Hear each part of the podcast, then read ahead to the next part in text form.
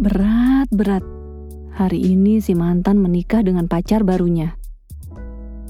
Aku patah hati banget. Tidak pernah mengira pacar barunya akan seserius itu. Aku pikir dengan pacar barunya itu si mantan akan menyadari bahwa sesungguhnya akulah pilihan yang tepat. Sebulan, dua bulan, enam bulan, setahun. Tiba-tiba undangan itu datang. Sempat terdengar sayup-sayup kalau mantanku sudah hamil sebelum menikah. Aku murka. Giliran selama pacaran denganku, dia berkeras ingin menjaga keperawanannya sampai pernikahan. Alhasil, teman-temanku pun berlomba-lomba bersimpati padaku. Ada pula yang tiba-tiba sok perhatian, tapi ujung-ujungnya cuma kepo doang, atau berharap aku mengamuk di media sosial. Aku yakin ada yang menginginkan tontonan seorang mantan membabi buta di acara resepsi pernikahan.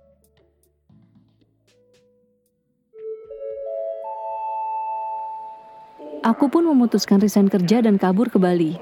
Hanya berbekal lima kaos, dua celana pendek, satu kemeja dan satu celana jeans. Kali aja ada lowongan pekerjaan kan? Mau ke mana? Tanya sopir taksi saat aku mencegatnya di Bandara Ngurah Rai. Aku masih bimbang mau ke mana. Tujuanku hanya Bali.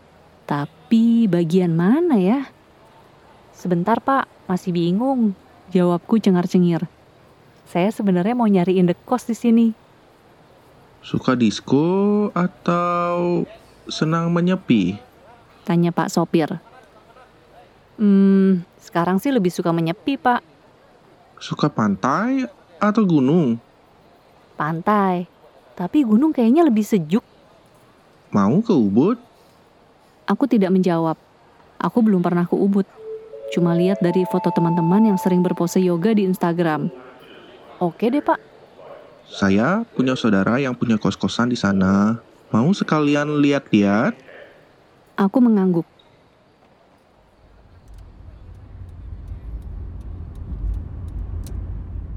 Selama perjalanan, kami tidak banyak bicara. Pikiranku masih sibuk dengan apa yang si mantan lakukan saat ini. Bagaimana rupa wajahnya dalam balutan baju pengantin. Seharusnya dia bersanding denganku di pelaminan. Ah, memikirkannya saja hatiku sudah tak keruan begini. Apalagi nanti kalau melihat foto-fotonya yang ku yakin akan berseliweran di media sosial. Awas saja kalau ada yang berani menautkan aku di foto itu. Aku mencoba mengalihkan perhatian. Pak, memangnya kalau saya tadi jawab suka disco, mau diantar ke mana? Seminya, di sana kan banyak tempat disco. Tempat bule-bule mabuk. Oh, kalau saya jawab suka pantai yang bisa menyepi, di mana? Hmm, bisa ke Uluwatu, tapi sekarang sudah mulai ramai. Bisa ke Singaraja, tapi itu jauh. Bisa 4 jam ke sana. Kalau ke Ubud, berapa lama? Sekitar satu jam. Berarti sekitar 30 menit lagi sampai. Aku merebahkan kepala ke sandaran, mencoba rileks. Permisi, sudah sampai. Aku mengerjap-ngerjap sambil memperhatikan sekeliling yang sudah menggelap. Sejauh mata memandang, aku melihat pohon, kandang ayam, dan berbagai poster kandidat presiden. Sepertinya ini memang bukan wilayah turis. Pak sopir pun mengantarku ke sebuah rumah besar bertingkat dua. Kami disambut seorang laki-laki berkumis, tampaknya juragan kos. Dia menunjukkan dua kamar kosong, di atas dan di bawah.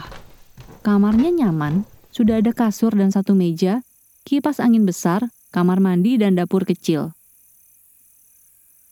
Harganya berapa, Pak? Tanyaku setelah melihat kamar atas.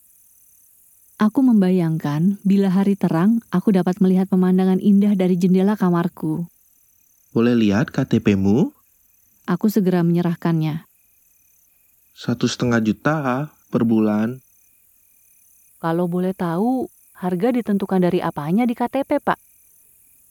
Ya, kalau KTP Bali, harga sewa lebih murah.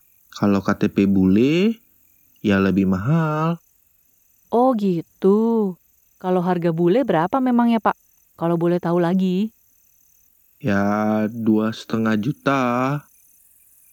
Sebenarnya anggaranku hanya satu juta per bulan.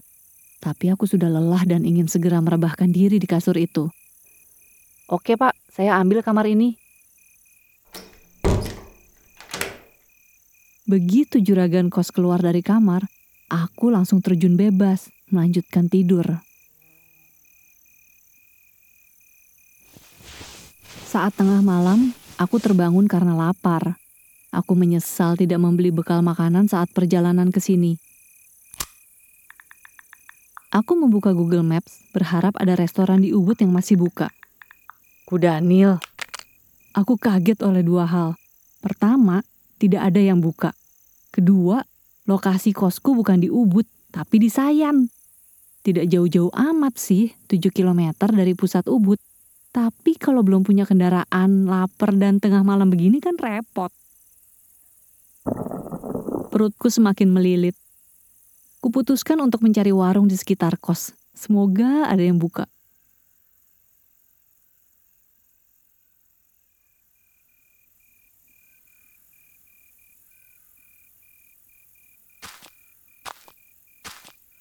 Di depan pintu gerbang halaman, ada pendopo yang didiami seorang bapak bersarung dan anjing hitam.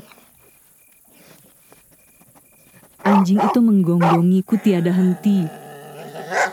Maaf ya, karena belum kenal, anjing ini jadi menggonggong terus. Tapi baik kok, nggak bakal gigit. Mau ke mana? Saya mau cari makan, Pak. Jam segini ada warung dekat yang buka nggak ya? Ada warung Jawa, Tinggal jalan sedikit ke arah selatan. Tapi mendingan tunggu dulu. Oh, kenapa pak? Sekarang kan jam 12 malam. Lagi masa peralihan. Makhluk-makhluk banyak yang bergentayangan. Oh, aku pun ikut duduk di pendopo. Nah, kalau di tengah jalan kamu lihat seekor anjing hitam dengan kepala yang sangat besar. Pokoknya bentuk anjingnya nggak proporsional. Kamu harus bilang permisi. Eh, apa nggak boleh langsung lari aja, Pak? Ya, kalau kamu sampai bertatapan dengan anjing itu, mau nggak mau harus bilang permisi. Kalau nggak, nanti kamu dianggap menantang dan bisa terkena demam tinggi. Aku hanya bisa mengangguk-ngangguk. Sekonyong-konyong angin terasa dingin menusuk. Di desa ini masih banyak orang yang mencari ilmu. Dulu pernah pagi-pagi sesaat sebelum matahari terbit, ada suara gaduh di atas villa sebelah. Suara gaduh itu ternyata dari makhluk jadi-jadian setengah monyet. Setengah monyet? Setengahnya lagi apa? Nah itu gak jelas. Pokoknya serem. Aku mulai mengangkat kakiku, duduk bersila betisku terasa dingin sekali. Terus ya, kalau jam segini dengar ayam berkokok, saya sarankan jangan keluar dari kamar. Biasanya ayam-ayam itu melihat yang gaib-gaib. Eh, iya pak. Ya, kalau di sini kan kami percaya dunia skala nyata dan juga di skala gak nyata. Juga keseimbangan di antaranya agar damai antara Buana Agung, makrokosmos, dan Buana Alit, mikrokosmos. Ucapannya terhenti karena si anjing tiba-tiba melolong di ujung halaman. Aku memeluk kakiku. Sekarang aku jadi ingin memakai sarung. Ya, sekali lagi ini kepercayaan kami. Kami nggak maksa orang lain buat melakukan atau mempercayai hal yang sama. Iya, Pak. Nah sekarang kamu bisa pergi cari makan. Ujar si bapak bersarung sambil beranjak dari pendopo. Anjing hitam masih saja melolong, disusul anjing-anjing lain. Mereka seperti janjian melolong bareng. Saya ternyata nggak begitu lapar, Pak. Aku buru-buru kembali ke kamar.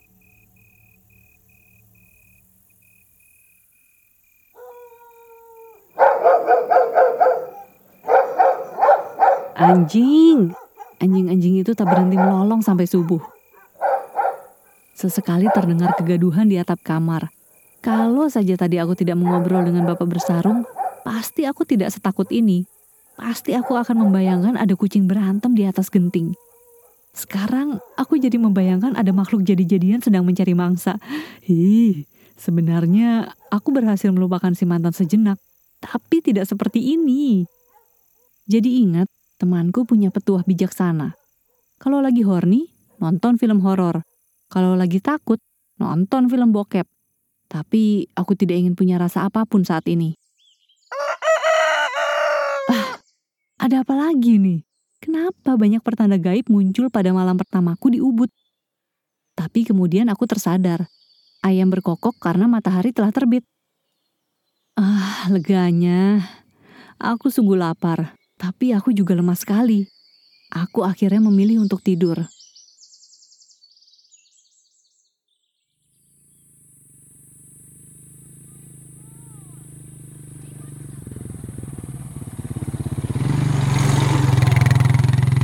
Malam ketujuh di Ubud. Eh, Sayan. Aku baru saja selesai makan malam di warung Jawa, hendak kembali ke kos. Kosku ini memang memberikan ketenangan yang kubutuhkan, tapi di sisi lain memberiku tekanan. Tekanan untuk tetap tenang. Maksudnya, saking tenangnya suasana kosku, aku kadang-kadang mesti menahan kentut, takut mengganggu tetanggaku. Omong-omong, Aku belum begitu mengenal para penghuni kamar sebelah. Mereka begitu betah di dalam kamar. Aku sesekali mendengar mereka sedang mandi atau menyalakan kompor. Aku jadi bertanya-tanya, apakah mereka tidak pernah mengobrol setidaknya di telepon atau menonton TV atau melakukan apa pun di internet? Atau semuanya menjaga suasana seperti aku, mendengar dan menonton menggunakan earphone? Aku sesekali jadi butuh ingar-bingar Setidaknya untuk headbanging pagi-pagi, menyetel lagu Sepultura bervolume besar. Karena saat bangun tidur adalah momentum riskan dalam mengingat si mantan. Aku butuh pelarian. Aduh. Di depanku ada anjing. Karena gelap, aku tidak bisa menentukan apakah anjing itu berwarna hitam atau bertubuh panjang. Permisi, ujarku sambil sedikit membungkuk saat melewati anjing itu. Anjing itu malah menyalak Berancang-ancang mengejarku. Aku pun lari pontang-panting. Untunglah anjing itu berhenti mengikuti saat aku masuk ke halaman kos.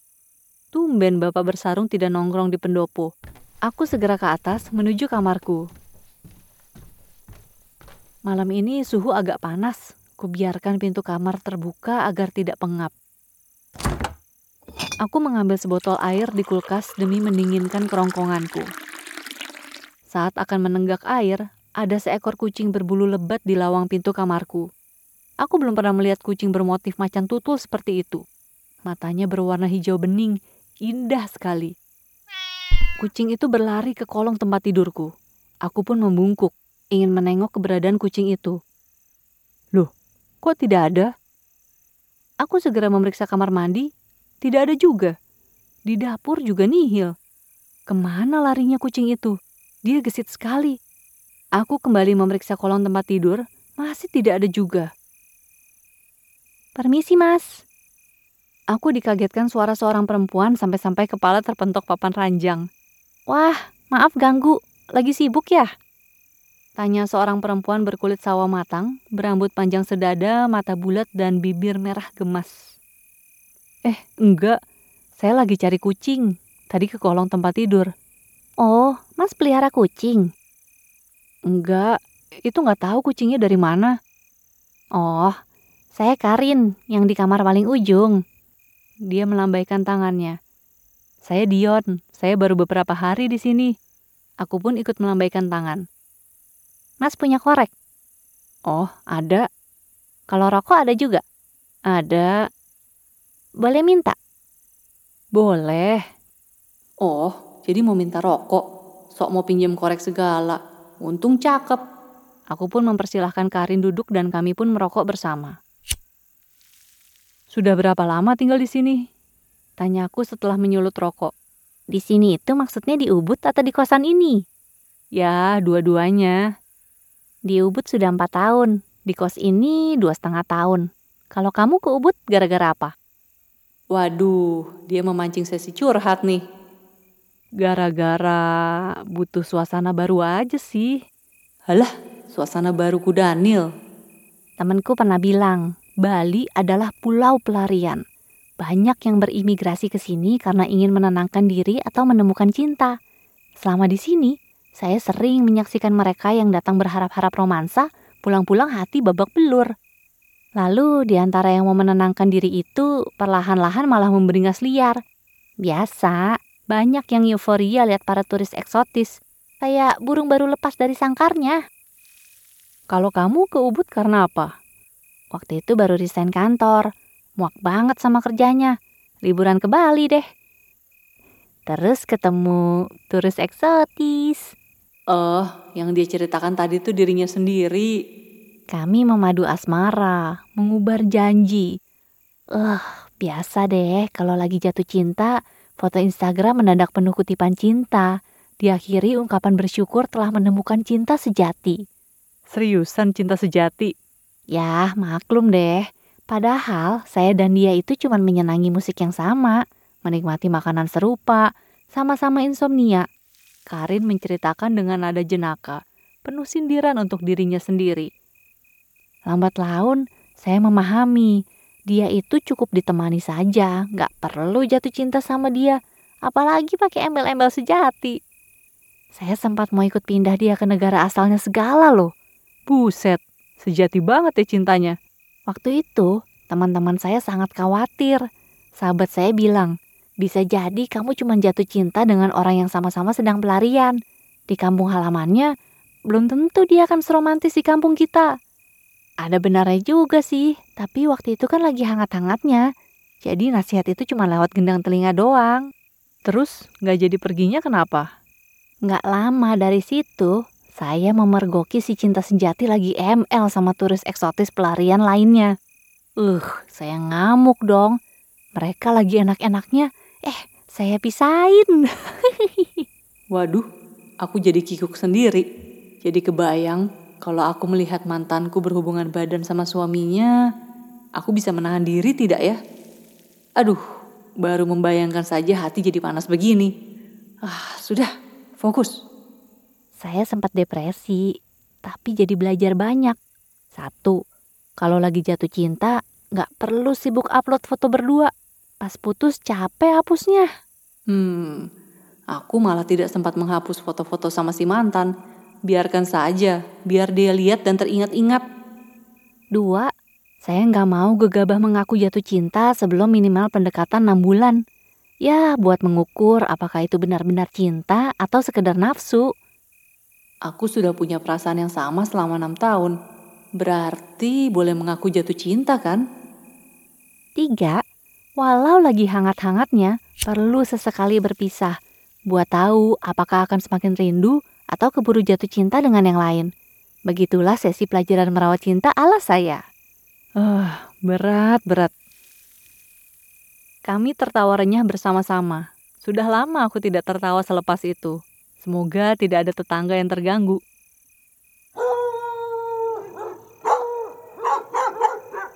Anjing hitam milik bapak bersarung kembali melolong. Aku sempat menghentikan kegiatan mengisap rokokku. Hei, gak perlu tegang. Karin rupanya bisa melihat perubahan ekspresiku. Aduh, tengsin juga nih ketahuan takut. Saya nggak percaya dunia supernatural. Ujar Karin sambil mematikan rokok. Sama. Tapi tinggal di sini saya jadi diingatkan selalu kalau mereka, makhluk tak kasat mata itu bisa jadi ada.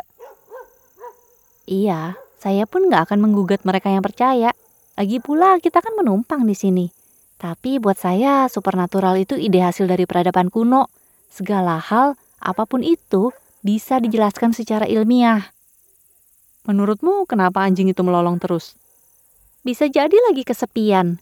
Dia sedang berkomunikasi jarak jauh dengan anjing-anjing lainnya. Makanya kan lama-lama yang melolong banyak, mereka lagi bersaut-sautan. Aku senang sekali mengetahui ada teman kos yang asik diajak ngobrol, sekaligus penyeimbang segala ketakutan yang tidak perlu ini aku bisa merasakan dia akan menjadi teman baikku, atau bahkan lebih. Wah, jangan-jangan yang pelarian dan kesepian bukan cuma kita ya, anjing juga. Gurauku sambil menyalakan kipas angin besar yang tergantung di langit-langit karena suhu semakin memanas. Muka Karin memucat. Ekspresinya berubah seperti ada yang mengganggu pikirannya. Eh, kenapa? Kipas anginnya terlalu kencang ya? Enggak apa-apa. Terima kasih untuk rokok dan obrolannya ya mas. Saya ke kamar lagi. Tanpa menunggu responku, Karin beranjak pergi menuju kamarnya.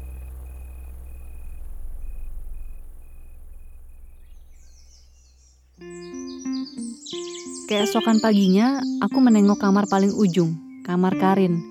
Jendelanya masih tertutup gorden. Aku tak yakin apakah dia masih di dalam kamar atau sudah pergi. Padahal aku ingin mengajaknya merokok dan mengobrol bareng. Sudah lama aku tidak punya teman mengobrol ngalor ngidul seperti Karin. Dulu awal-awal perkenalan sama si mantan juga begitu. Membicarakan apa pun tanpa jelas juntrungannya. Ah, pikiranku ini. Ujung-ujungnya ke dia lagi, dia lagi. Kuda Nil. Saat menjelang malam, aku sengaja membuka pintu kamar lebar-lebar, berharap Karin datang lagi. Aku malah sudah menyiapkan teh dan biskuit untuk menemani obrolan. Aku sempat mundur-mandir di depan kamarnya. Lampunya redup. Tercetus niat mengetuk pintu, tapi aku khawatir kalau Karin sedang bersama seseorang di dalam. Aku bahkan belum tahu apakah dia punya pacar atau single. Atau siapa tahu single tapi sedang berasyik masuk dengan turis eksotis. Ah, ya sudah, aku undur pamit.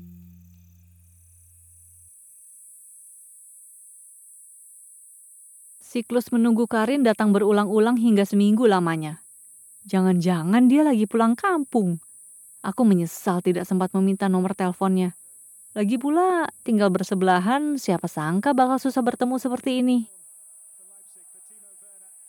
Saat aku akan pergi makan malam, di pendopo ada bapak bersarung sedang duduk minum tuak. Malam pak, ke mana saja? Sapaku. Kemarin sempat pulang ke Kintamani. Mau ikut minum? Belum makan pak. Kalau mau, nanti saya sisakan. Gak perlu pak, terima kasih. Oh iya pak, kebetulan aku perlu menanyakan keberadaan Karin. Karin lagi pergi ya pak? Karin? Karin kan namanya. Yang kamarnya di ujung lantai dua itu. Bapak bersarung sempat menghentikan kegiatan minumnya, memelototiku. Kamu kenal Karin? Iya pak, seminggu lalu Karin ke kamar saya. Seminggu lalu? Alisnya mengerut. Kamu yakin itu Karin? Waduh, ada apa ini? Aku mencium sesuatu yang tidak beres dan itu bukan aroma tuak ini. Iya, rambutnya segini, matanya bulat, kulitnya agak gelap. Ya cantik deh. Kenapa pak? Kakinya menapa nggak? Tanyanya dengan nada usil, tapi tatapannya sangat serius. Ah bapak, jangan bercanda dong. Kami ngobrol banyak kok. Gak mungkin ah. Dia lagi ke mana ya pak?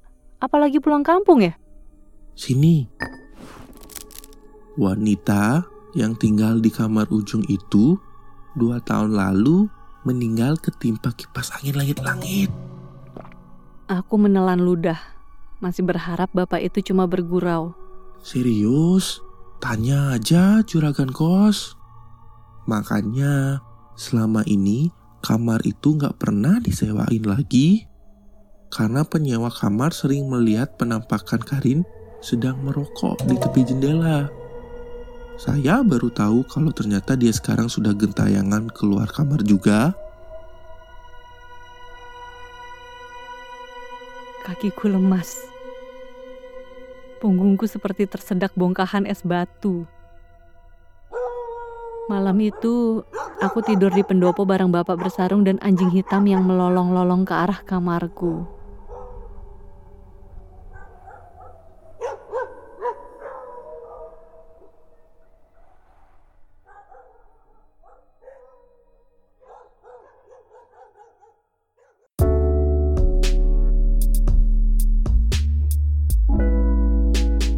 Halo teman-teman, terima kasih ya udah dengerin cerpen Pencinta Butuh Pelarian karya Valian Budi alias Fabio. Cerpen ini bisa kamu baca di buku kumpulan cerpen Tukar Takdir yang diterbitkan oleh Gramedia Pustaka Utama tahun 2019 lalu. Aku suka cerpen ini karena pas baca tuh rasanya nano-nano kali ya, Horor iya, lucu iya, romantisnya juga ya boleh lah. nah, aku sempat ngobrol dengan Fabio soal cerita di balik cerpen ini. Ceritanya kan tentang seseorang yang melakukan pelarian ke Bali karena dia patah hati. Patah hatinya karena mau ditinggal nikah sama mantannya yang masih dia sayang banget. Cerita pencinta butuh pelarian ini ternyata diambil dari pengalaman pribadinya Fabio sendiri. Tahun 2014 dia ngabur ke Bali. Rencananya cuma dua minggu, tapi ujung-ujungnya jadi enam tahun sampai sekarang. Nah, cerita horor di dalamnya juga sebagian besar dia alami sendiri. Tapi alasan dia kabur ke Balinya beda dari di cerpen. Kayak apa ceritanya? Kamu bisa langsung dengerin obrolan singkat dengan Fabio soal cerpen ini di bab setelah cerpen ini dirilis ya. Langsung ke sana aja. Dengerin juga obrolanku dengan Fabio soal kehidupannya sebagai penulis di bab lain di podcast Main Mata. Terima kasih sekali lagi kalau kamu suka dengan cerpennya dan juga dengan pembacaannya. Kami akan berterima kasih sekali jika kamu mau merekomendasikan bab ini atau podcast Main Mata secara keseluruhan ke teman-teman kamu yang suka baca buku dan suka dengerin cerpen audio juga. Jangan lupa follow podcast Main Mata di Spotify, beri dukungan juga untuk jaringan Potluck Podcast dengan follow dan subscribe di SoundCloud, YouTube, dan lainnya. Untuk informasi lengkap seputar episode terbaru yang akan tayang dari channel-channel podcast yang ada, follow jaringan Potluck Podcast di Instagram @potluckpodcast. Sampai jumpa lagi. Dadah.